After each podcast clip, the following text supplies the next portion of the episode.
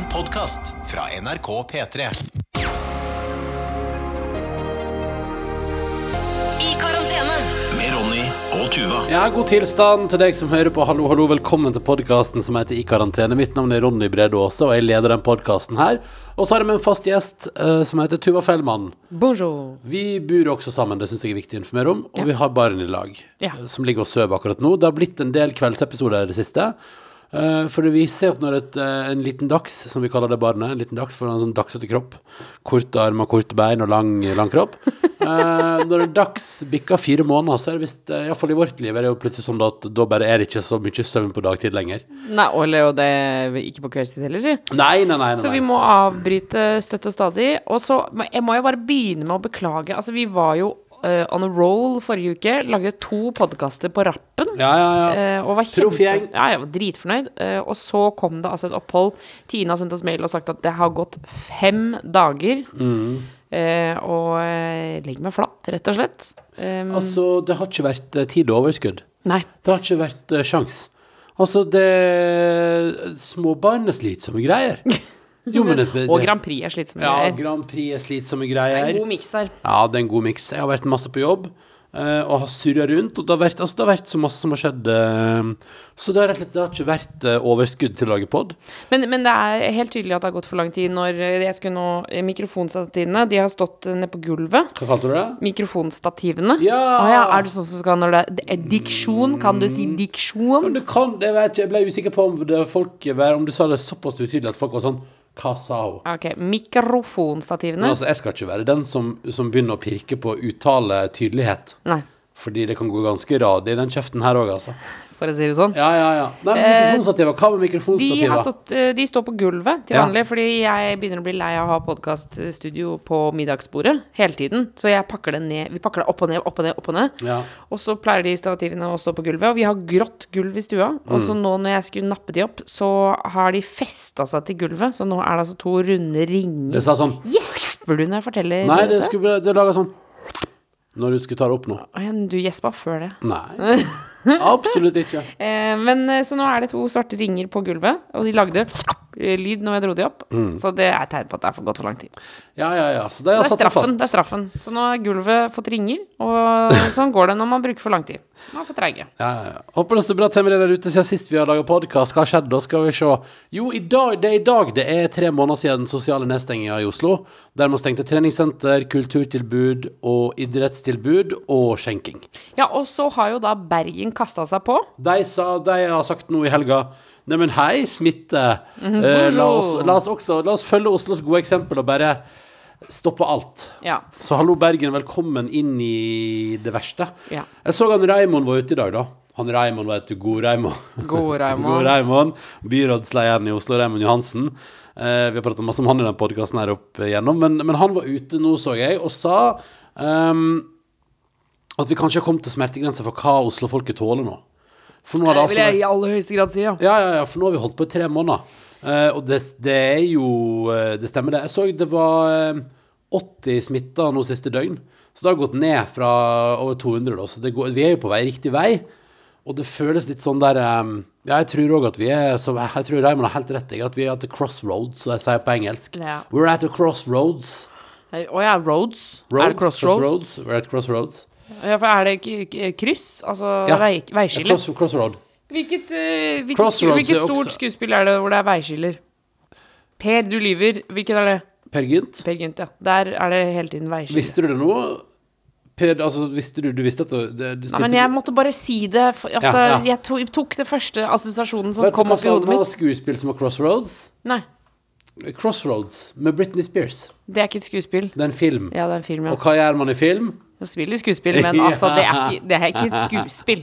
Ja, det er et stykke. Å, fy fader, hør på deg. Jeg kaster Britney Spears-referanser. Det et, eh, det er et uh, mektig stykke. Fader, Crossroads med Britney Spears, den så jeg en gang Ja, har da den kom den? ut. Ja, Det var en kjedelig film, altså. Ja, den det? For, ja, forferdelig kjedelig. Jeg tror til og med jeg sovna. Men, og det, men det er jo ikke en Og det var på den tida der jeg ikke alltid sovna når jeg så på film. At ja, det var før sovneperioden. Ja, ja, ja, sovnefasen. men jeg har fortsatt holdt meg våken. Har vi fortalt at du en gang Nå skal vi ikke si hvilket bryllup, men at du en gang sovnet i et bryllup? Uh, jeg vet ikke om Jeg syns ikke vi bør fortelle det uansett. Hvorfor Jeg skal bare hente meg litt Pepsi Max. Hvorfor skal vi ikke fortelle det? Fordi du blir flau? Ja, ja, ja. Altså, vi var i et bryllup. Vi skal ikke si hvilket bryllup. Vi har jo vært i mange bryllup sammen, så det kan jo være hvilket som helst.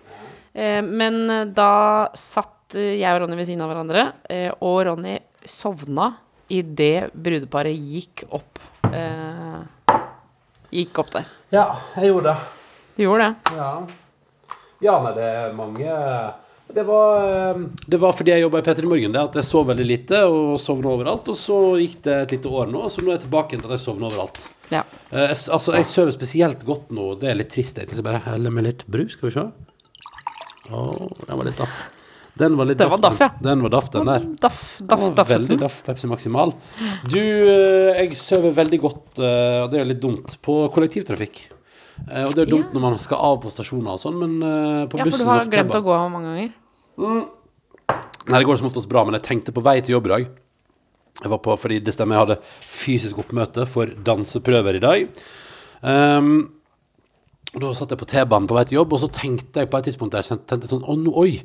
Eh, Fordi av og til når man blir sånn skikkelig trøtt og er på vei inn i søvn, så kan kroppen bli helt sånn salig og nesten litt sånn ut av deg sjøl-opplevelse. At, du, Ja, ja. at den sånn, kroppen blir sånn mjuk. Men, og det er da det er umulig, altså jf. bryllup, men altså alle andre steder hvor man bare Jeg må ikke sovne. Jeg Ja. må ikke sovne. Nei, når kroppen bare- blir sånn bekvem, da er det helt sjanseløst. det er ikke sjans i helvete! Og sånn bekvem ble jeg en plass midt mellom eh, Jernbanetorget og Stortinget i dag. Eh, de to stasjonene der som er veldig mye brukt. Men det er jo, sånn, det, er jo det som er litt deilig med pandemi. Eh, at det er jo litt Det er ikke så innmari trøkk på T-banen. Det er ganske rolig. For får alltid sitte. Jeg får alltid sitte for meg sjøl. Og det også i dag. Og da satt jeg der og cruisa midt nede i Oslo sentrum under bakken og tenkte at uh, shit, nå er kroppen sånn varm og god. Og tanken på da å skulle forlate den varme, deilige T-banevogna og gå ut i minusgraden og den utrolig sure vinden var liksom, Så da, da satt jeg og tenkte sånn Shit, her, eh, her kunne jeg hatt en vært. god nepp nå. Ja, kunne vært der lenge. Uten barnegråt og andre forstyrrelser. Bare meg og T-banens linjer som cruiser av gårde. Og så kommer vi opp på Majorstua. Utrolig sur vind. Med en gang kopp kaffe. Det er jo um, Jeg har begynt med det òg. Fordi jeg husker jeg la en sånn Instagram-story for noen uker siden av at jeg var så dum at jeg kjøpte meg en kopp kaffe før jeg skulle ta bussen ut til Fornebu for å lage Grand Prix. Ja. Uh, og så eh, kom jeg ut på Fornebu og har må da sitte på bussen med munnbind og får ikke drukket den kaffen. Og har kjøpt stor kaffe for å nyte den på turen. Ja, fordi, og du er jo også en på en måte pliktoppfyllende type, så du, er, du er ikke en av de som vipper opp munnbindene for å Nei, for- snippe til deg litt. For Da forsvinner vel poenget med det munnbindet. jeg kjører. I aller høyeste Ja, ja, ja. grad. Men jeg ser jo at det er mange som gjør det. Og gjør det det? Ja, ja, ja. Nei, nei, nei, Men det, jeg, det er ikke greit. Å, nei, nei, jeg må ikke innrømme at jeg har gjort det en gang sjøl. Ja, det hender hvis jeg er ute i friluft at jeg lurer inn en liten Fishman's Friend. uh, men det er ikke inne blant folk, da. Men jeg vet ikke, jeg vet ikke om det Og jeg prøver å ikke ta så mye på munnbind og sånn, bare helt ut i kanten. Ja. Jeg vet ikke om det gjelder, og det kan godt hende vi får masse mailer fra folk som sier sånn Det her er faen ikke greit, men, men jeg gjør nå det. Men poenget var iallfall at uh, så oppdaga jeg den dagen òg at, at kaffen egentlig For hvis den kommer fra sånne trakter, så er den ofte veldig, veldig veldig varm. Så at, eh, jeg oppdaga jo at når jeg hadde tatt bussen en 15 minutter ut på Fornebu der, så var kaffen egentlig helt perfekt. Så at jeg kunne drikke den og holde den, og bare ta sånne store slurker uten å være redd for å brenne meg på, på tunga. Så da tenkte jeg sånn Det her kan jeg bare begynne med. Så nå har jeg begynt med det, da, at jeg kjøper meg en kaffe før jeg skal reise. Og så drikker jeg den når jeg kommer fram, Fordi da er den perfekt temperert. Og det var bare så helt kongesuksess, altså. Ja, ja. Prima, prima, Mm. prima. Jeg må jo si at når du, dette med du beskriver eh, T-banen og varme og sånn, minner meg helt utrolig om eh, videregående, for jeg tok jo alltid T-banen til skolen før. Og da å være eh, En ting er sånn som du er nå, men å være liksom 16 og et halvt, og da ta T-banen halv sju om morgenen, da er det deilig å sove på den T-banen. Oh, ja. Fy fader. Her en dag satt jeg overfor en, en ung dude som eh, Da var det som sånn Han satt på liksom to seter riktig vei, og så kom jeg og satt meg på enden av tresetet den andre veien. Mm. Og så satt han innerst, og så hadde han liksom beina liggende opp på setet ved siden av meg. Gud, det var så deilig. Og så tenkte jeg sånn så tenkte jeg, ble det dratt mellom to ting da Fordi på, det ene, på det ene tidspunktet tenkte jeg sånn herregud, skal ikke du ta ned beina når det sitter folk ved siden av? Er ikke det litt ufint? Ja. Men så tenkte jeg også samtidig Men, åh, men det er jo fryktelig deilig da Så Ja, det- det utrolig deilig. Jeg ble reven og sleten mellom det å være eh, voksen og det å være barn at uh, barnet mitt sa sånn Nei, men kjør på, ha beina hvor du vil så lenge du får sove og nyte livet. Mens den voksne var litt sånn Nei, men altså, Mm. Dette det, går ikke. Også, det var en av disse dagene det var så sørpete. Ja. Jeg, jeg husker jeg fikk kjeft av en fyr en gang fordi jeg hadde beina på stolen. Der, ja. Eller på, på T-banevogna. Og hva sa du til han, da? Nei, altså, for han Jeg satt med beina på sånn som han satt, han kompisen din, holdt jeg på å si. Eh, og så kom det en voksen mann, og så så han på meg, og så gadd ikke jeg flytte beina mine, for jeg var sånn cool, cool eh, type. Og så sa han eh, hei, du. Og så så jeg på han, og så sa han sånn Pleier du å ha skoa i sofaen hjemme, eller? Mm. Og så sa jeg sånn «Eh, eh», Og da, den cool-coolnessen, den forsvant, eh, fader. Da var ikke så tøffe trinn da lenger, nei. Ah, ja, ok. Nei, for nei, du, for nei. deg tenkte sånn Nei, det tror ikke jeg at jeg får lov til. Jeg, Eller vil jeg så hadde jeg kanskje? lyst til å si sånn Jeg pleier alltid å ha føttene i sofaen, nå driter jeg i og etter å ha prøvd å si et eller annet tøft, men jeg, altså, jeg klarte ingenting. Nei. Og det eneste jeg klarte å si, var sånn Nei, nei. Og så tok jeg liksom vippa i føttene og skammet Mm. meg, selvfølgelig. Å få tilsnakk er det verste som fins. Åh, fy fader, det Det er er ingenting jeg syns er verre enn å få tilsnakk. Uh, det er ingenting. Er det ikke det? Nei, det, nei jeg tror altså, Kjeft er jo verre, da, selvfølgelig. Men altså det at uh, noen tar Tar det til tak, tar deg til side, eller tar tak i noe du har gjort, og gir deg huden full for det, syns jeg er helt sånn forferdelig ubehagelig. Men å uttrykke huden full, det er ganske ekkelt uttrykk. Ja, jeg ser for meg at man står Man fyller man, opp porene, Jeg ser liksom. for meg at man spytter veldig masse. Ja, men jeg føler at man fyller Jeg skjønner hva jeg mener med fyller opp por... Det er utrolig ekkelt. Ja, Utrolig ja, ekkelt. jeg forstår hva du mener, men jeg ser også for meg bare at det ligger en sånn spraylag. Litt sånn som at den lille Dags nå har Vi har gjort sånn Sånn har vi gjort, og så nå har hun prøvd, prøvd å ta etter oss, og så er det er bare at det spruter spytt overalt. Ja, Det er bare fyker spytt overalt. Så det Og så sa ja, så sa Tuva litt sånn stille i stad når den gråmelerte T-skjorta mi bare ble spraya mørkere i fargen av det og gulp, uh, sånn som det blir hver dag her. Og så sa du bare sånn stille sånn Nei, det der kan vi takke oss sjøl for. Og så tenkte jeg sånn, ja, det stemmer det. Det der kan vi faktisk takke oss sjøl for så innmari. Ja, gratulerer til oss. Eh, hva har du opplevd siden sist, da, utenom eh, Du, jo, vet du hva? Nei! Eh, dette er ja, altså, det er noen ting Altså, men det er jo det som er at når vi holder på med denne podkasten, så opplever jeg ting så tenker jeg, å, det skal jeg fortelle om på podkasten. Men så spa, altså, sånn som nå, så har vi ikke spilt inn på lenge. Så nå har jeg spart det lenge, og nå tenker jeg sånn Det her er jo egentlig ikke noe å fortelle. Nei. Men jeg var på matbutikken, og da jeg bare, Vi må drodle litt om en dame jeg så. Ja, ok. Jeg kom inn meget bestemt, altså sånn, du vet sånn type som vet hvor, du, hvor de skal. Bare, Ja. pow, pow, pow. Ja. Gikk inn til eh, barneavdelinga, kjøpte sinnssyke mengder med sånne små Du vet de derre eh, matgreiene med sånn liten tut på, som alle ungene driver og ja, sånn suger på. eh, liten uh, fruktkartong. Porsjonspakning, liksom. Ja, ja, ja, ja. Eh, som du bare kan stikke rett i nebbet på unger. Altså enorme mengder sånne. Eh, og så uh, kjøpte noe, noe brød og noe greier. Men, men altså sånn sikkert sånn 30-40 stykker, liksom. Mm. ja, ja. Og så kjøpte hun Hadde hun en button, sånn stor button, du vet de største, liksom, ja. hvor det sto 'Jeg har astma'. Og så kjøpte hun to 20-pakninger med sigg. Oh, for jeg- en kombinasjon! Ja, men jeg- for jeg skulle til å si Nei, er så spennende. Ja, det, veldig, det var veldig mangefasettert. Du, altså, fordi, altså, inntil videre nå skal jeg tippe at du jobber i en lokal barnehage og bare skal kjøpe inn sånne poser som de har liksom på farten når ungene får veldig lavt blodsukker. smart, smart, smart. Eh, og så tenker jeg kanskje at hun har astma, men at kanskje når hun da Jo, men jeg står for at hun jobber i barnehage. Å ja, så kjøpte hun sigg til de hun jobber sammen med. Yes, og fordi de, de liker å kose seg med litt av Sigolini på, Men bak, eh, er det ikke rart å be hun med astma om å gå altså, Som er såpass opptatt av at hun har en button hvor det står 'Jeg har astma', Ja.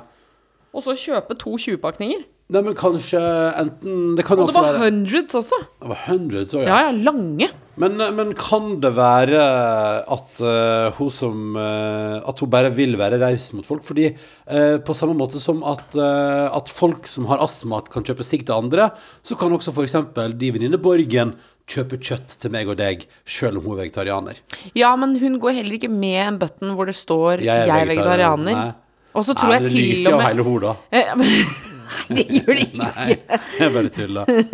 Vi fikk forresten mail av en uh, fyr, så det syns jeg var gøy. Uh, det er en lang mail, så jeg, ikke, jeg får ikke lest hele. Men uh, han, han hadde sendt Jeg synes det var veldig fint, sendt bilder. Han um, bor i Molde Ja. eh, og har tatt bilde oppe på Varden der. Eh, som er et litt utsiktspunkt. Veldig, veldig fint. Der har jeg også vært en gang. Mm. Og så har han også tatt et bilde til av skyggen sin i snøen. Og så skriver han dette bildet tok jeg samtidig som jeg hørte at Borgen hadde jernmangel. Så det syns jeg var fint. Ja. Eh, for å på en måte vise akkurat hva han gjorde i det sekundet eh, noe ble fortalt. Ja, det er sterkt. Det er sterkt. eh, Det er fint hvis du kan Hvis du legger med bilde at du forteller nøyaktig når i podkasten bildet er tatt. Altså Ja. hva skjer i podkasten mens bildet blir tatt. Ja, akkurat der. Der Ja, for det er vi nysgjerrige på. Ja. Jeg kan informere om at jeg driver nå, altså da, mens vi lager podkasten, har jeg tatt en liten pause i preparasjonen av den episke Trines matblogg-retten som heter altså kylling med chorizo, chili og cherrytomat. Oh. Den er så god. Så det jeg har gjort nå, at jeg har preparert på sånne små frokosttallerkener. Nå har jeg en full av sjalottløk, som er kutta delt i to bare. Og så har jeg en full av paprika i både rød og gul farge, fordi det er koselig. Og så har jeg en som jeg har begynt å fylle med chorizo. Som er altså da en, det er en deilig fersk chorizo-variant, som du har tatt ut av frysen, min kjære. Ja, den, vi har kjøpt den på en råflott butikk også. Vi kjøpte på Råflott butikk, så den vet vi er av ypperste kvalitet. Halvparten gikk på nyttårsaften, den andre halvparten går i gryta nå. Og det eneste som mangler nå, er at jeg skal kutte opp noe kylling i små, kyllingfilet i små biter. Og så skal jeg da eh, først steike kyllingen.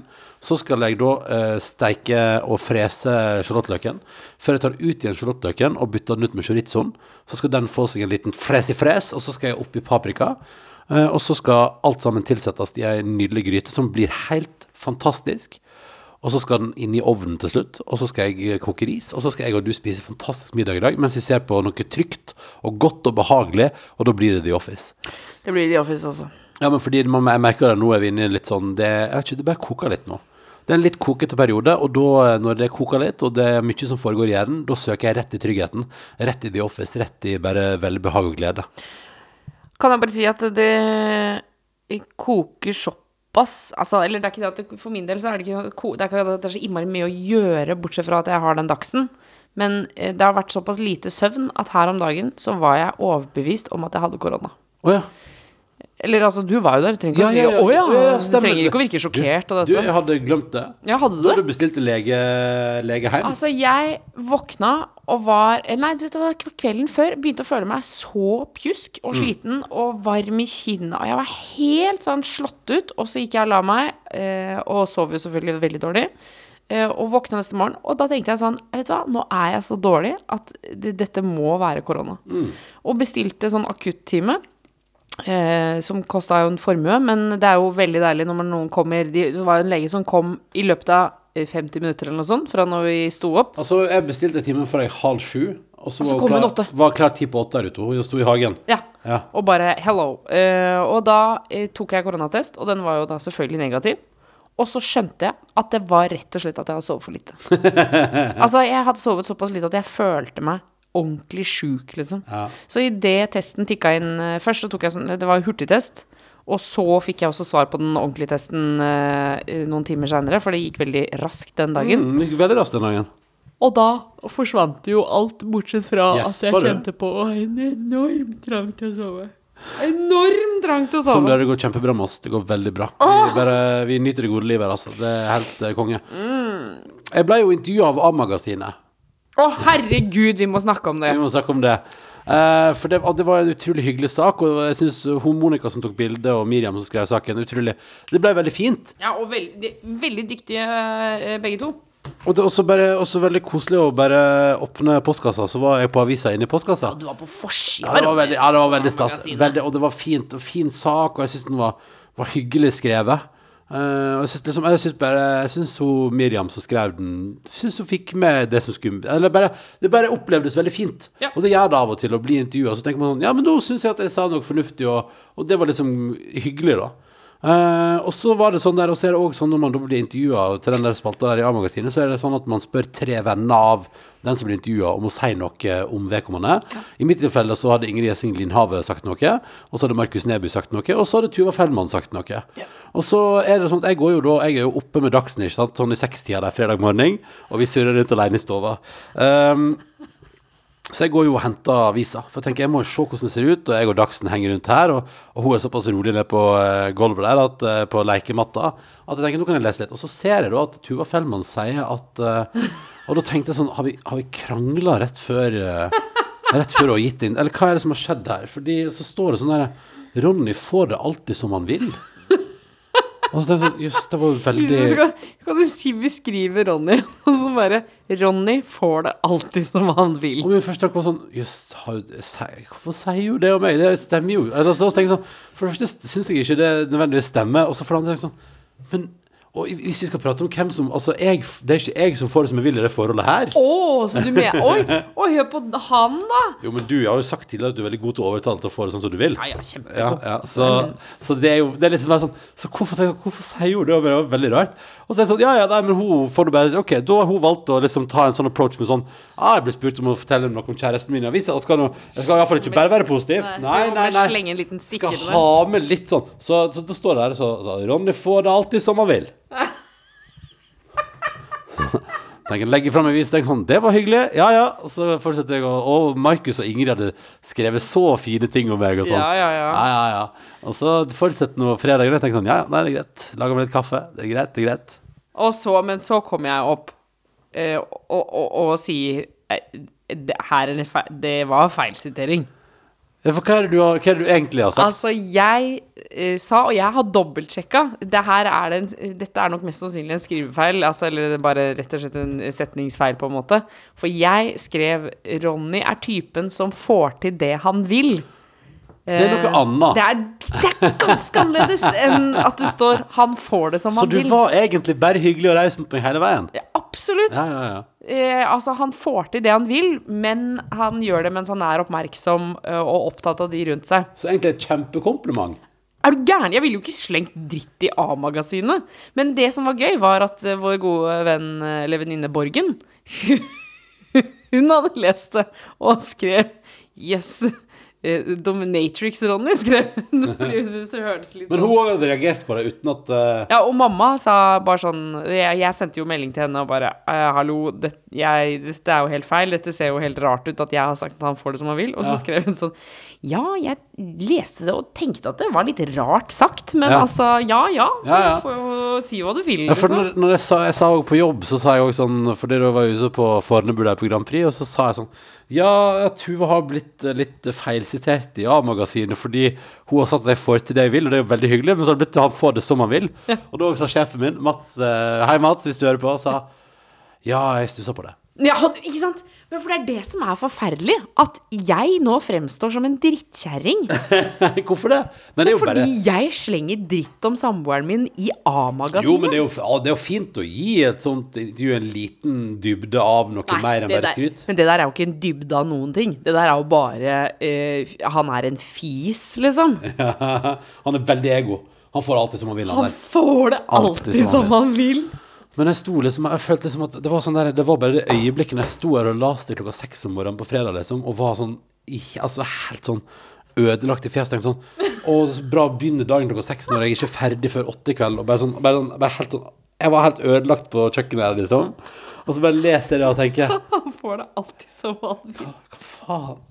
Ja, men hallo. Er det, hæ? Men det, det, jeg har skrevet, det jeg har skrevet, er jo et sinnssykt kompliment. Det er jo Altså, du får til det du har lyst til å og gjøre. Det er drithyggelig! Ja, men og, når og- og når du forklarte det, så det var jo veldig hyggelig, da. Ja, for, men Ja. da du, du sa ikke til meg da at du hadde lest det. Da fremsto det som at du ikke hadde lest det. Ja, men jeg tenkte, det er ikke vits i For da, da sa du sånn Å, herregud, må jeg, skal jeg ringe noen? Og så sånn Her må jeg bare stoppe det. Ja. Så da sa jeg nei, det, det går fint. Ja, for det, Og så er det jo det når det er i papirutgaven. Har ingenting å si, da er det trygt. Så du kan jo gjerne ringe og si du, dette var feil, og så sier de ok. Ja, det var, det var trist, da. Ja, ja, ja. Beklager. Ja, men da er det ingenting å si. Nei, nei, For det er jo uansett ute der. Um, men det som også er litt sånn spennende med det intervjuet, og tenkte bare sånn, nå skal ikke dette bli en podkast som driver med mediekritikk, og jeg skal ikke sitte på min høye hest og, og disse og styre, men jeg bare så i går Jeg vet ikke om det var i går den kom ut, men det var i hvert fall i går jeg ble tagga i kommentarfeltet på en sånn uh, Dagbladet slash Se og Hør-sak, som var sånn der, eh, som har sitert fra det intervjuet. Ja. Der er jeg da um, Og det er egentlig det er jo en, altså, Fordi der prater jeg om Bare for å ta det kjapt, jeg prater om litt om en ting som jeg tenker er sånn viktig å kommunisere. da, For jeg mener at for mange folk ser på det å ha en eller annen Kall det en skavank, da.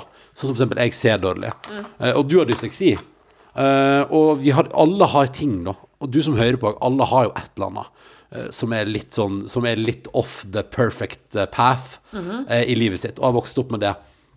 Og så prata jeg på en måte litt om at at det som var så deilig med min oppvekst, og, og hvordan jeg hadde det som barn, var at jeg opplevde aldri at min familie og mine nærmeste gjorde noe poeng ut av, eller behandla meg annerledes fordi jeg så dårlig. Nei, altså Det står jo i det intervjuet at du, du krasja på sykkel og gikk på ski og Men jeg krasja på sykkel, ja. Altså, jeg har altså, jeg har så djupt kutt i ryggen en gang. Eh, at det liksom Kan jeg bare at- si jeg bare vet hvordan det der var? Det var ikke dypt kutt i Og det var dypt kutt i ryggen, Tuva. Og det var blodstriper nedover hele T-skjorta bak der. Ja, ja. Men, men poenget, poenget er jo bare at, at, at jeg liksom har fått lov til å, å tryne, da. Ja. Og, og så har jeg gjennom kanskje Jeg har gjennom liksom min oppvekst møtt mange folk som ser like dårlig som meg, som kanskje til og med bare fordi verden er skrudd sammen sånn rundt deg, aldri har fått muligheten til å få lov til å prøve å tryne. Eller at man blir synshemminga si, eller den andre tingen som er Altså, ved, man blir ved henget sitt fordi det er en så lett ting å knagge folk på. Og i, i skolesystemet, f.eks. Når, når jeg blir fulgt opp for mitt dårlige syn i oppveksten. Så for de som følger meg opp, så er jo jeg et saksnummer, og jeg er en sak som må løses. Han ser dårlig, det må vi fikse. Når vi har fiksa det, så kan vi gå videre. Ikke sant, til neste sak. ja, men og, som egentlig er jo en positiv ting, da. Jo, jo, men poenget er at jeg mener at det veldig lett da blir At det Eh, blir deg. At da blir, da blir i, det, I det systemets auge så er jeg et problem som må løses. Ja, men og, En arbeidsoppgave som må sjekkes off. ja, men og, eller, og, og sånn er det, og sånn skal det være. Men det som eh, er vanskelig eller skummelt eller utfordrende, er når man selv lar det bli en del av sin identitet. Ja, og så mener jeg at jeg eh, ved, ved ganske mange anledninger i livet mitt har møtt instanser og møtt folk som på en måte lettere, hvis jeg ikke hadde vært så trygg på at jeg var mer enn synshemminga mi, ville vært med på å farge livet mitt ut ifra at jeg hadde den synshemminga. Et eksempel jeg av og til bruker, er at jeg var på militærsesjon. Uh, Har du vært på sesjon? Ja, ja, men da var det jo obligatorisk for alle menn på 18 år. Ja, ja, så jeg var på, var på Førdehotellet, jeg. Tuva i en eller annen sånn Hadde konferanse. dere sesjon på Førde? Ja, ja, ja, møtte opp der inne på det flotte teppegulvet. Det har blitt sølt altså så mye Jegermeister i. Eh, der har de rydda klart, og der møtte vi opp i hopetall, hele gjengen. Og det var inn der, og så var det et lite foredrag om hvordan militæret var. Og så var det den obligatoriske urinprøver, eh, og, og litt sånn forskjellig informasjon. Og så var det da en rekke tester for å se, da. Ikke sant. Hørsel og syn og, og, og generell helsesjekk. Og så er det jo et eller annet med, og det er jo det de vil, da. Selvfølgelig sånn en sånn kul dame som er en eller annen plass, en, en eller annen rang i militæret, ikke sant, og prater så jævlig fett om hvordan det, hvor fett det er å være i militæret. Ja. For det er jo sånn man verver, ikke sant. Skape engasjement. Så jeg ble litt sånn tenkte sånn, skal aldri i militæret. Så etterpå tenkte jeg sånn, jo, men kanskje det gøy. Kanskje Kanskje har vært og, og, kanskje det har vært et gøyalt år. Kanskje det, har, kanskje det lærer meg samhold og, og orden og, og, Og for ikke snakke om brettekanter. Sant? Lære en så masse. Så jeg ble litt sånn, ja, men fader heller. Og så kommer jeg da inn til legen der, ikke sant, som sitter inne på et hotellrom, da, på en liten suite på Førde hotell. Eller iallfall et stort hotellrom. Så han sitter liksom ved en sånn, ved en sånn, helt sånn typisk kontorpult som du har på hotellrom, med utsikt over Førde, da. Eh, Du ser ned på Handelshuset, som er kjøpesenteret i det gamle slaktehuset som er rosa, og elva ligger og cruiser nede der, ikke sant, og det er en gråværsdag. Eh, og så eh, sitter han med ryggen til og fører sikkert et notat fra forrige mann inn, og så kommer jeg inn, og så hører jeg, sier jeg sitter med ryggen til, og så sier jenta meg sånn eh, ta det, Jeg tar det på kroppen. Og så gjør jeg det, tar det med, med T-skjorta, og syns jo kanskje ikke det, det, det er sånn at jeg, sånn, at jeg syns det er sånn dritbehagelig å kle av meg foran fremmede menn, selv om det jo er en, en legegreie, på en måte. Eh, og så snur han seg, og så ser han på meg, og så ser han at det ene øyet mitt er defekt, og så sier han sånn Du ser dårlig? Ja. ja da ta på deg T-skjorta igjen. Og så erklærer han meg da, uten å føre noen samtale med meg, så erklærer jeg meg tjenestedyktig. Jeg er udyktig til å kunne tjene i det norske forsvar. Og det er for så vidt fair, men det er jo bare nok et sånt eksempel, og det er veldig, kanskje det tydeligste eksempelet jeg har fra oppveksten, på en ting som liksom går igjen. At man veldig mange ganger opplever at man møter på at du bare får et stempel i fjeset. Og i dette tilfellet var det bare noen ganger der jeg, jeg ser dårlig, derfor kan jeg ikke, uten at vi diskuterer det. Uten at det blir vurdert, eller uten at jeg får en forklaring utover at bare du ser dårlig, du kan ikke være her. Ja, og så mener jeg at, at det hadde garantert en eller annen plass der hadde det vært plass til meg, da. Hvis man hadde jobba litt for å finne ut av hvor det kunne passe å ha meg. I Forsvaret? Ja, ja, ja. Ja, ja, er du gæren? Men det er jo det som er Altså, det er jo der uh, Forsvaret har vært litt sånn krøkkete. Fordi de har helt sånn tydelige uh, kroppslige mål og bla, bla, bla. Sånn at hvis ikke du passer inn der, så nei, da er det ikke noe poeng å ha det her. Og, og det som er dumt, er at han av ren høflighet Altså, han visste jo det, og det er ikke sånn at han uh, eier systemet og kan uh, gjøre om på det, men av ren høflighet så burde han jo på en måte bare gått kanskje litt raskere gjennom, da, men altså, han burde jo gjort sjekken, liksom. Ja, eller bare Nei, men, bare, men poenget er jo bare at vi er i en situasjon da, der det på en måte er så uh, Der alt jeg er for han, legen der, er en synshemning. Og det er jo det som er poenget mitt her. At, at det er helt greit, og jeg ville jo ikke egentlig i Forsvaret. Men um, jeg, jeg føler likevel at det liksom et par ganger i Eller liksom når man veldig mange ganger i løpet av en oppvekst eksempel møter på en måte den måten å reagere på meg som menneske på, at jeg først og fremst er en synshemming, så forstår jeg veldig godt at jeg, har- jeg har møtt veldig mange som ser dårlig, som på en måte har blitt synshemminga si, at de på en måte sjøl da fordi etter hvert som flere og flere rundt deg legger begrensninger på deg fordi du ser dårlig, så begynner jo du automatisk fordi alle andre gjør det, og gjør det sjøl. Og det mener jeg er så utrolig trist å se. At folk liksom bare forsvinner ned i et hull av 'nei, men jeg kan ikke', eller, 'det får jeg til fordi jeg ser dårlig'. At man begynner liksom å tro om seg sjøl at man ikke får til ting fordi verden rundt deg har lært deg at du at det er en hemning. Det er liksom det er litt det jeg prater om i det intervjuet. da. Absolutt. Nå skal jeg ikke gå langt inn i det, nå ble det jo mye her, men, men det Ja, er liksom... det er liksom fint, det er fint også, men uansett så, så, øh, så alt dette her øh, på en måte dreier seg rundt da den saken som kom i Dagbladet Se og Hør. Ja, for jeg bare synes det var litt gøy at jeg prata Hele konseptet der er jo at jeg prata om at jeg fikk lov til å leve et vanlig liv. Ja. At jeg fikk lov til av de rundt meg å ha det bra. Jeg fikk lov til å ikke være min synshemming. Mine venner så ikke på meg som eh, eh, eh, svaksynte Ronny, men Ronny som Ja, forresten, han ser litt dårlig. Ikke sant? Altså, det var ikke det som var meg, men det var et av mine vedheng. Og det er jo sånn jeg syns vi alle sammen bør på en måte prøve å se på andre folk. At vi har alle våre ting. Vi har alle våre ting som er litt tricky i vårt liv, eller, eller som gir, gir oss litt ekstra utfordring. Men det klarer vi, og det er på en måte så lite av den totale personligheten vår. Så bare syns jeg det er så gøy at da har altså Dagbladet lagd en sak på den saken fra A-magasinet med tittelen eh, eller Først er det sånn Ronny og eh, letta på hjertet om synsproblemer. Og så er tittelen sånn der 'Ønsket et vanlig liv'. Ja, fordi, øh, for det første Det øh, lettet på det sløret Det sløret er vel litt av øh, ganske mange ganger. Ja, og så føler jeg at, at, jeg føler at det som er litt sånn ubehagelig der, er jo der legger jo på en måte deg opp til på en måte litt sånn det motsatte av hele poenget mitt. Ja, fordi det- For hele poenget mitt er jo at jeg hadde et vanlig liv, og at jeg fikk lov til å leve helt ordinært med min synshemming, og at den aldri var beskrivende. Og så klarer jeg å lage en tittel, og der jeg sitter, og det er sånn bilde som Dagbladet har tatt ned på kafeen i nabolaget her, der jeg sitter og ser, jeg sitter og ser så trist ut. Ja, for da Også, ser det ut som at Altså, det det ser ut som at de mener, er at du vil liksom, Jeg ville bare ha det bra. Jeg ville, bare, jeg ville bare se sånn som alle andre. Jeg Ja, ville bare være sånn som alle. Istedenfor så handlet det om at du var sånn Nei, jeg ville ha et uh, vanlig liv, og det fikk jeg. Det var prøvde, ingen som brydde seg om at jeg er så dårlig. Jeg prøvde å slå et slag for at man må se forbi folk sine vedheng, liksom. Og så blir da, i den saken som Dagbladet lager, så blir liksom jeg bare sånn "Bæ, Da er jeg bare jeg liksom en fyr som skal lette opp om hvor vanskelig hadde det. Det var ikke poenget, det var det motsatte. Men Råtass, hun som øh, Oi, nå var det en dag som våkna. Hun Ja. som kommenterte at du hadde vel nok penger til å leve et godt liv. Ja. Men så fikk vel hun høre i resten av kommentarfeltet der at uh, det er vel kanskje ikke poenget og, og penger. Du kan ikke kjøpe deg et godt liv. Uh, nei, men det var bare, bare Men det, poenget var at når jeg så den der Dagbladet-saken da, med sånn 'ønska et vanlig liv' og sånn bilde av meg som ser så trist ut Altså, jeg, jeg satt i sofaen her og hadde så lyst til å gjemme meg under sofaen. Jeg blei så flau. Jeg ble så, ble så skamfull. Og følte meg så følte meg sånn Ja, men fader heller. Det var jo ikke sånn det var. Så det slet jeg med i går. Og det var, da var det bare lyst til legge meg prøv, kan jeg, Det var synd jeg Synd jeg er så overvektig, eller skulle jeg prøve å komme meg under sofaen. Så kunne jeg ha ligget der. Men jeg er for, jeg, det er for tjukk for den, dessverre. Men du får sette deg til at eh, det er ikke så lenge siden jeg var i en avis hvor overskriften ble eh, Debuterte med sex og alkohol som 13-åring. Ja, stemmer.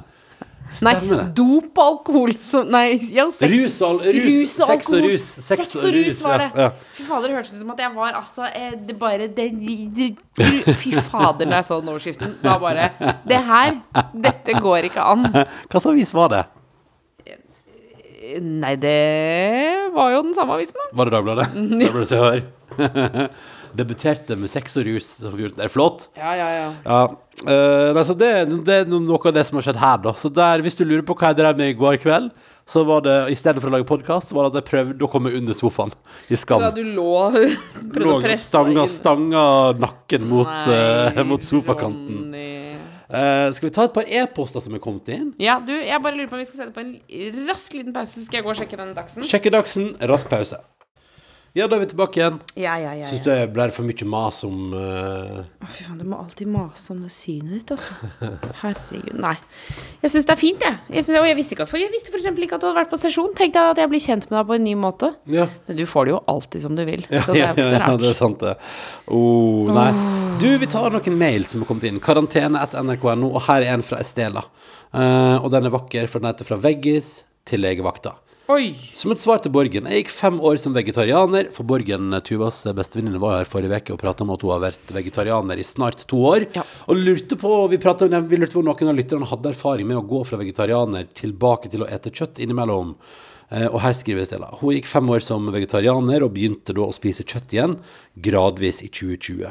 Men en av de første gangene hun spiste kjøtt, så havna hun også på legevakten.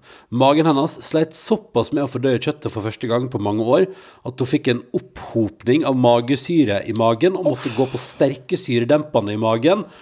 Nei, ikke gått på smerte, sterke syredempende i en måned etterpå.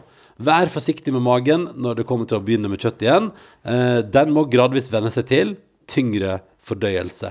Hilsen Estela, som forresten hørte episoden natt til freitag, så hun hørte den altså den natta den kom ut. Vi vil også ta med det mens vi er i gang. eh, for vi har også fått med, her har vi også fått med en som skriver Skal vi se. Hei. Jeg sitter og hører på episoden med Borgen der dere diskuterer kjøtt og veget, vegetanisme osv. Vil anbefale Borgen å ikke starte med en for mye kjøtt på en gang. Jeg hadde ikke spist kjøtt på ti måneder før jeg hadde pinnekjøtt på første juledag. Ganske dumt valg. Hadde ekstreme magesmerter og tenkte nå kommer jeg til å dø og havne på sykehuset. Herregud. Sannsynligvis i motsatt rekkefølge, da. Gikk bra, eh, men kanskje smart å begynne i det små hvis du vil begynne å spise kjøtt igjen. I hvert fall hvis det er to år siden sist du spiste kjøtt. Uh, dette skriver altså da en som ikke har rørt kjøtt siden første juledag. Neimen, stakkar. Ja, men det er beinhardt å begynne med pinnekjøtt også, da. Ja, det, det er røft. Og det var sikkert, du forsynte deg sikkert ikke bare én gang, på en måte. Nei, nei, det var noe raus porsjonering der. Å nei og nei. Uff a meg, det høres vondt ut. Oi, oi, oi. Eh, så da veit vi det, da, at det, det må begynnes Det må gå sakte. Hører du sakte, Borgen? Må ikke, kjøre, må ikke starte med entrecôte på 200 gram. Nei. må her, kanskje heller ikke starte med en burger. Nei. Kanskje liksom, kanskje prøve ei slice med spekeskinke. Ja, jeg, jeg hadde kjørt en kvart, jeg, altså. En halv. En halv. En halv slice spekeskinke. Ja, men så tror jeg det er viktig å, å få i seg litt annen mat også, ikke bare spekeskinka, liksom.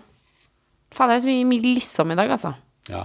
Men jeg gjør det ofte når jeg jeg er sliten, så fyller jeg på med Er du sliten? Mm, ja, litt. Grann, ja. Ja, ja, Jeg har jo fortsatt det problemet vet du, med, i telefonen når jeg ringer igjen til Borgen. Så hvis jeg sier øh, så kommer det sånn sjuk høy lyd i headsetet hennes. Ja, ja, ja, er det fortsatt noe? Ja, du har ikke fått fiksa det? Nei, vi har ikke fått fiksa det. Nei. Så Så du bare eh.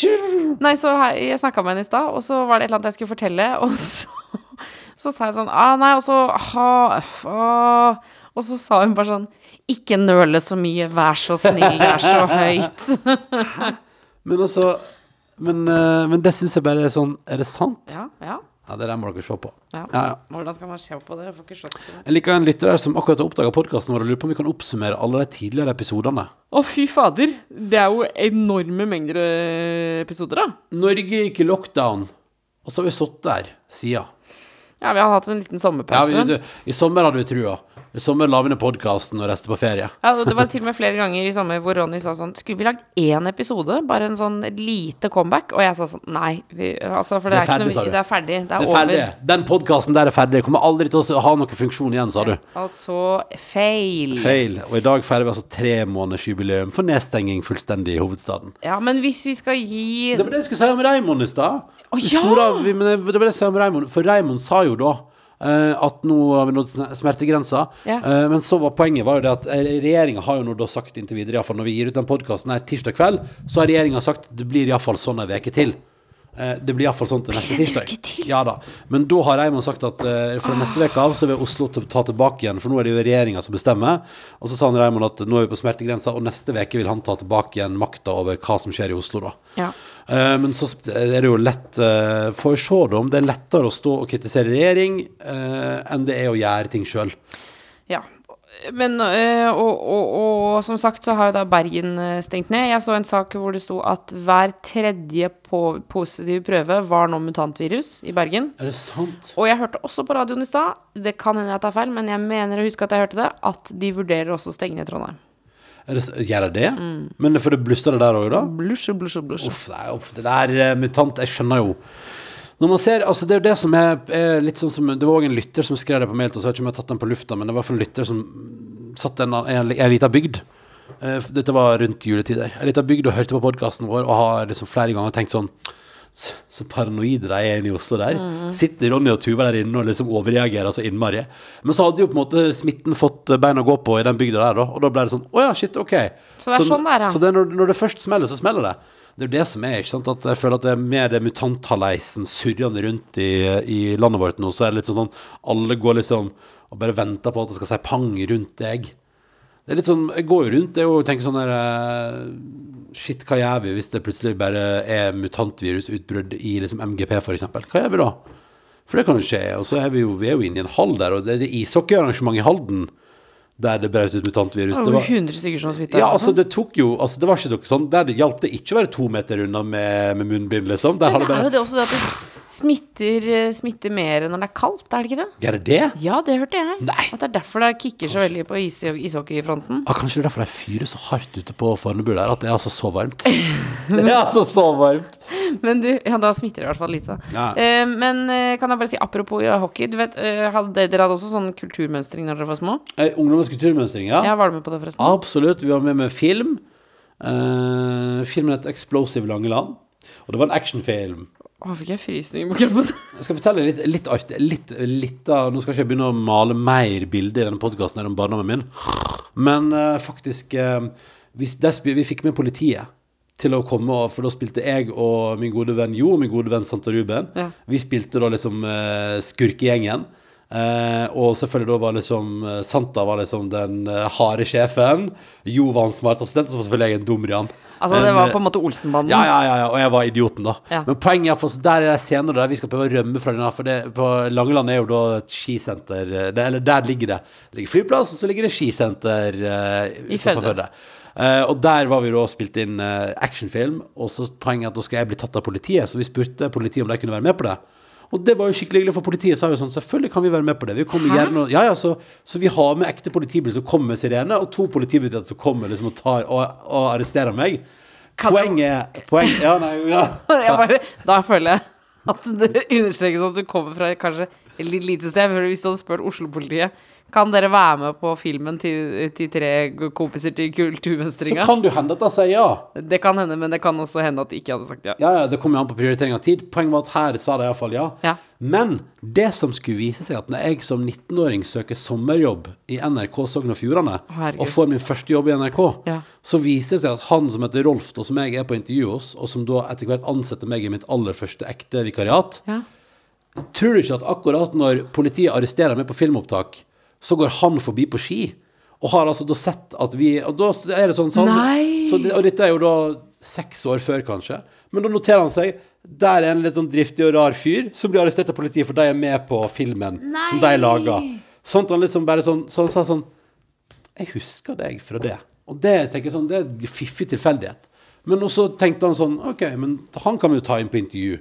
Å ja, Fordi- så det var ikke sånn at han tenkte eh, Å ja, Han han, kriminelle pjokken der, han Nei. skal vi i hvert fall ikke Nei, ha. han tenkte, han tenkte jøss, eh, ungdomsskoleelever som får med politiet på opptak. Ja, Kanskje well de, played. Kanskje, kanskje de har eh, Da har de kanskje noe å bidra med. Ja. Så, så det gjorde at jeg fikk intervju, og så fikk jeg da altså sommerjobb. Tenk det. Tenk det. At han tilfeldigvis skulle gå forbi på ski akkurat når jeg ligger der og vaser i litt sånn utrolig rar boblejakke, mens to politimenn setter håndjern på meg rundt en sånn dørstolpe. Nei. Nei, det, nei men det funka, det. Og så, og da viste dere den på Kulturmønsteret? Ja, ja, ja, ja, Gikk dere videre det? Nei! Nei, nei, nei. Vi, vi, vi var Altså, av, jeg tippa at det var liksom um, Det var liksom Jeg tror sjansene var sånn at de skulle sende videre en film, og det ble vist to filmer. Og vi var den som ikke gikk videre, på en måte. For det var bare så tydelig at vi skulle ikke videre. Altså, det var Altså, nei, men det var, det var kjempe det, Vi hadde det kjempegøy, og vi var veldig stolte og fornøyde med resultatet. Og vi hadde til og med eh, fått på litt visual effects på slutten. Så det, det, når hytta, skihytta skal sprenges, så har jeg fått at det står flamme opp av det ene vinduet. Så det er ganske det er rått, og ekte rulletekst og sånn, så det, det er dritfett. Men vi skjønte jo òg at det her er på ingen måte noe som er for framtida. Okay. Så det, det gikk fint, det. Ja, nettopp. Jeg, fordi eh, jeg var også med i vår kulturmønstring. Ja. Grunnen til at jeg kom på det, var fordi vi hadde det da på Furuset Forum. Skøytearena. Hockeyarena. hockeyarena. Og da de bygde en scene oppå isen. Ja. Så det var altså så jævlig kaldt når alle skulle opptre. Altså, fy fader, det var så kaldt. Å nei. Men, men for det, for det ja, Men hæ? Men fordi det, det gadd Er det fordi, det ikke, fordi man kan ha andre ting i ishaller. Det er bare, men da må man skru av kulden, og da dør isen. Ja, og ja, da dør isen. Da dør isen. Ja. Og da får ikke isen grobunn lenger, og da er det Nei, håpløst. da blir, altså, det var jo også den eneste hockeyhallen som var i mils omkrets. Så da ah, kunne man ikke ofre den, nei. Nei, nei, prøver å komme på om jeg har vært med på med andre ting eh, på ungdomskulturmønstring. Men fun fact, Mm. jeg har, jeg har vært programleder på ungdomskulturmønstring mange ganger. Ja, det har du selvfølgelig. Eh, mange, mange år. Og eh, jeg har for eksempel og Det er veldig gøy. Det var en periode der eh, alle så Altså sånn som Kjartan Lauritzen har jo introdusert på ja, er det sant? Her er han Per Aoki fra Balestrand, og da var Per Aoki tolv år gammel, tror jeg, og han spilte eh, Metallica-intro på gitar. På elgitar. Åh, ja, ja, ja. Det var, jeg tror det var det. Eller han var han som hadde trommeshow. Jeg er litt usikker, men poenget er liksom at det er veldig gøy å møte sånne, eh, sånne musikere og, og andre folk som bedriver kulturuttrykk fra som kommer fra Sogn og Fjordane, og som er sånn en plass mellom 10 og 15 år yngre enn meg. For jeg har introdusert alle de på ungdomskulturmestring. Og vi burde ha han som gjest i podkasten. Kjartan Lauritzen, ja. Ja, men han bor jo i Bergen, Han det, det? vet du. Jo, han har flyttet til Bergen nå. Ja, så da er han eh, Ja, vi, vi skal ikke få noe bergensmutantkjør. Nei, nei, får ikke noe mutant inn her. Vi, vi ber ikke folk fly for å være med på podkasten vår, det er vi ikke. Nei, så- Eller ta toget. Vet du hva? Nå er jeg altså så sulten at det, at det hjelpes. Du, Tuva Fellmann, da skal jeg sette på ovnen, koke opp risen og la den magiske gryta til Trines matblogg, kylling med chorizo, chili og cherrytomat, få lov til å altså putte det av gårde. Og jeg gleder meg sånn, det skal bli så digg. Så skal vi fyre opp amerikanske The Office. Å, hallo! Vi må si vi fikk i eh, posten. Ja, ja, ja. Å, herre min! Eh, Jeg har det her, men jeg må prøve å finne brevet også. Ja. Vi fikk altså et sånt, f- en flott pakke i posten. Ja, Å, ja. herregud. Fra Sara eh, i Tromsø. Eh, som eh, har altså rett og slett brodert eh, en eh, brodert, Altså, det er eh, et broderi hvor det står 'Snart helg-teorien' Altså, med det er- flammer og opp. Det er så fint! Ah, ja. og, og dette, da, Ronny, dette må vi ta bilde av, og så har vi det som eh, episode. mm. Selvfølgelig. Så det vil si at du kan nå se på episoden, så kan du si 'Å, der er den som er Snart helg-teori-broderiet fra, fra Sara'. Og så må jeg si um, Og nå må jeg jo bare si at uh, det er mulig at det ikke funka utafor NRK radioappen. Jo, i Spotify òg, men på den Apple-appen der, der, det for sånn som jeg har sett På Apple-appen, på podkast-appen til Apple, eh, så, uh, så syns jeg det ser ut som du bare får opp det standard i karantenebildet. Men på Spotify og på NRK radioappen, Ja. der får du opp episodebildet. Og eh, Sara beskriver også huset vårt som Daksekennelen. Det syns jeg var Ja, det var litt fint, fint. Det det lo vi av når vi fikk den pakken i posten. ja, ja, absolutt. Kan jeg bare, også bare si uh, hallo til Karianne som hører på podkasten, og som uh, jobber, på, jobber med å fikse ting på MGP, som bare kom innom med altså heimestrikk til uh, Dagsen. Altså det er folk Kan jeg bare si at jeg visste ikke at det var sånn, og til alle mine venner som har fått barn før meg. Uh, der, jeg da, der jeg da ikke har- har kommet med gave. Ja. Jeg må bare beklage, men jeg visste ikke at det var sånt et trøkk. Altså, vi har fått Folk, altså, folk kommer med gaver fra overalt, og det er altså så raust. Ja, utrolig hyggelig. vi, vi kjente jo allerede på det når vi var ute med sommerbilen i sommer, liksom, og kom til, kom til Sommerøy, og der står liksom folk med heimestrikka teppe og, og votter og sokker, og bare Hæ, hva er det som skjer, liksom? Men det som er så gøy, er at nå bruker vi det jo, på en måte. Ja. Nå er jo vinteren kommet, så nå bruker vi alle de små Marius-vottene, og Ja. er det utrolig hyggelig. Men bare sånn fascinerende, og sånn som at liksom alle og det er liksom, det virker som eh, folk som har barn fra før av, og så får noen der kjenne barn, Da gir man gave nesten sånn Jeg kjenner deg litt. Ja, da skal de få gave. Altså, det er nesten litt sånn. Og i Førde heter det Dette lærte jeg, og dette forstår Du, det er ikke så rart at jeg ikke skjønte det. Nei, nei, nei, men det er bare veldig gøy. Jeg må bare si, nå skal jeg bare prøve å forklare det, fordi de kaller det for, de kaller det for sengamat. Nå kommer vi med sengamat. Og det er vel sikkert fra veldig gamle dager at man kom med, med mat da. Når du til, lå i senga. Til mor som lå med nyfødt barn i senga. Men det som er gøy, er at jeg elsker uh, uh, når en, en i slekta mi skulle forklare til, eller skulle liksom si til Tuva hva det var for noe, og så var det sånn Her er sengemat. Se- Og så var det sånn Sengemat. Ja, det er det vi kaller det før. Det er sengamat. Og så på en måte var det sånn Ja, men du må forklare. Ja, du må nesten du må si hva det er. her i Førde kaller vi det for sengemat. Ja.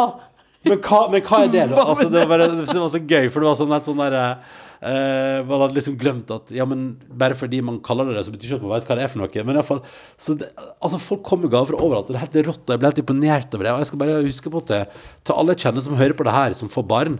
Oh yes, there will be gifts. Fordi vi må, nå må vi jo legge oss på samme som alle andre som gir Altså, folk gir gave i hytt og gevær, liksom. Ja, ja, ja. Det er helt sjukt. Altså, det er, det er helt fascinerende. Men jeg får dårlig samvittighet. Hvorfor det? Nei, fordi jeg eh, For det første En ting jeg får dårlig samvittighet er for jeg, har gitt for lite gaver for det. Nei, det er jo ikke sånn at man må gi gaver, men det er veldig hyggelig å gi gaver. Eh, men jeg eh, får også dårlig samvittighet for de menneskene som har fått barn, hvor jeg har altså kommet meg inn på sykehuset eh, for å besøke dem. Ja, sånn, ja. Altså, jeg har en i familien som har fått barn, og da var jeg var, jo på en måte Vi er jo i familie, så vi er jo nærme hverandre.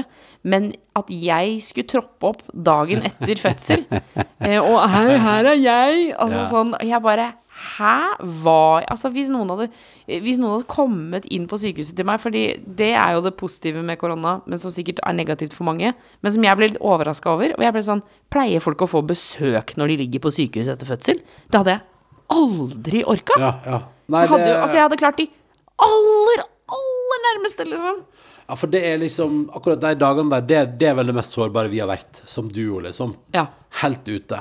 Helt, helt fullstendig ute og helt overvelda. Og, og bare tanke på at noen skulle komme liksom inn der med At man må ned i det besøkelsesområdet, Ja, ja, i den kjortelen og bleia og Eller bare, eller bare faktisk bare hele den greia med at noen kommer inn med en litt annen stemning enn den som vi på en måte har skapt. Skjønner du hva jeg mener? At det liksom, om så noen hadde kommet og vært sånn Hei, eller, eller bare sånn Hallo! Altså, skjønner du? Altså, uansett så hadde det på en måte vært litt sånn stemningsmismatch òg, på et vis. Ja. Kanskje det blir veldig svada, Men men, det kan, og det kan hende at vi opplever dette også eh, Hvis vi skulle eh, fått et barn til, og det ikke var korona, så hadde vi på en måte fått besøk og bare Å ja, dette er jo drithyggelig. Dette er klart at vi Dette skal man jo fortsette det med. kan absolutt hende. Men det var et eller annet med at jeg tenkte Hvor jeg visste Jeg var såpass sliten at jeg ikke visste hva jeg het til etternavn, på en måte. Og at hvis jeg da skulle tatt imot Altså, jeg husker da jeg selv dro på det sykehusbesøket, hvor jeg var kanskje sånn 17, Ja. var kanskje litt fyllesyk og Ja. muggen og var Lukta sånn litt bakfull, ja. ja, litt Ja. sigg og bare bø, sku- Ja, hei, og inn der, og hadde med noen ballonger, og bare al- Altså, jeg hadde bare Ut! Gå ut! Kan, du må detoxe før du kommer inn her. Og så hvis du i tillegg var sånn som ikke brydde deg så mye om Nei, hint dreit om egentlig litt ja, ja, det dreit i sånn hint om sånn Ja, da var det kvelden, da. Ja. Yes, da er visst besøkstid over. Ja, men det går bra. Det, Men litt sånn, det tenker jeg sånn Hvis en person som ligger på sykehus sier sånn Da er nok besøkstida over, og så svarer man sånn Ja, men vi ser nå hvor lenge jeg kan sitte uten å bli kasta ut. Ja. Ah, det, jeg føler at du kunne vært der. Ja, men det er lov å si ifra hvis vi nå tar helt feil, og Ja. at det er helt fantastisk med besøk etter eh, fødsel. Det kan hende. Og så er det jo noen Det er jo ja, selvfølgelig noen mennesker har man jo veldig lyst til å få besøk av, da. Ja, ja, absolutt. Nei, men det er overveldende med gaver, og, og vakkert. Og vi skal ta bilde av broderiet, og så skal vi ønske alle sammen god tilstand. Og så skal jeg nå fyre opp kyllingen, fyre opp chorizoen, blande alt i gryta og la det magiske skje. Og hvis det var ett eneste middagstips, jeg har nevnt det før i podkast, men jeg nevner det igjen for nye lyttere og folk som eventuelt bare trenger å bli minnet på det. Trines matblogg sin kylling med chorizo, chili og cherrytomat er Ja, men det er jo helt episk. jo. Ja, men du har, nå har du sagt den tittelen kanskje seks ja. ganger. Ja, men da, da eh, Men den, er, den ligger godt i kjeften. Ja, den gjør det. Og så kan jeg bare si én ting om den òg. Ja. Og det at du må ikke kjøpe sånn tulle-chorizo. Fordi for eksempel, jeg tror det er Jacobs og sånn, har sånne, der, sånne pølser, vet du, som, og så, sånn Knekkers har òg sånn der Knekkers! Har òg sånn pølse som er sånn De sier at det er chorizo, men så er det jo Å, egentlig ikke herregud. Oi, oi. Da gir vi oss bare, tror jeg. Ja, ja, Da gir vi oss. Du går og sjekker dags, jeg setter på uh, mat. Måtte du få en nydelig tilstand. Men det vil jeg si, du må kjøpe det som er ordentlig chorizo. For noen er det sånn utvatna chorizo, det er litt chorizo, men så er det egentlig ikke chorizo. Og det er jo ikke chorizo. Du vil jo ha den spanske chorizoen. Den som er liksom sånn som jeg kommer i sånn uh, liten bue på uh, fancy butikker. Eller fancy butikker, men sånn Meny og Coop Mega og sånn har det. Har en sånn der liten sånn papiraktig pakning, og så inni der ligger en sånn bue med chorizopølse. Det er det som er chorizo. Det er chorizo. Måtte du få en nydelig tilstand. Nå har vi skravla i vei. Nå blir jeg sjølbevisst, og da må jeg stoppe. Og så må jeg bare legge det ut uten å tenke over det, og så høres vi en annen gang. Og hvis du har noe som helst på hjertet, så er mailen vår karantene etter nrk.no.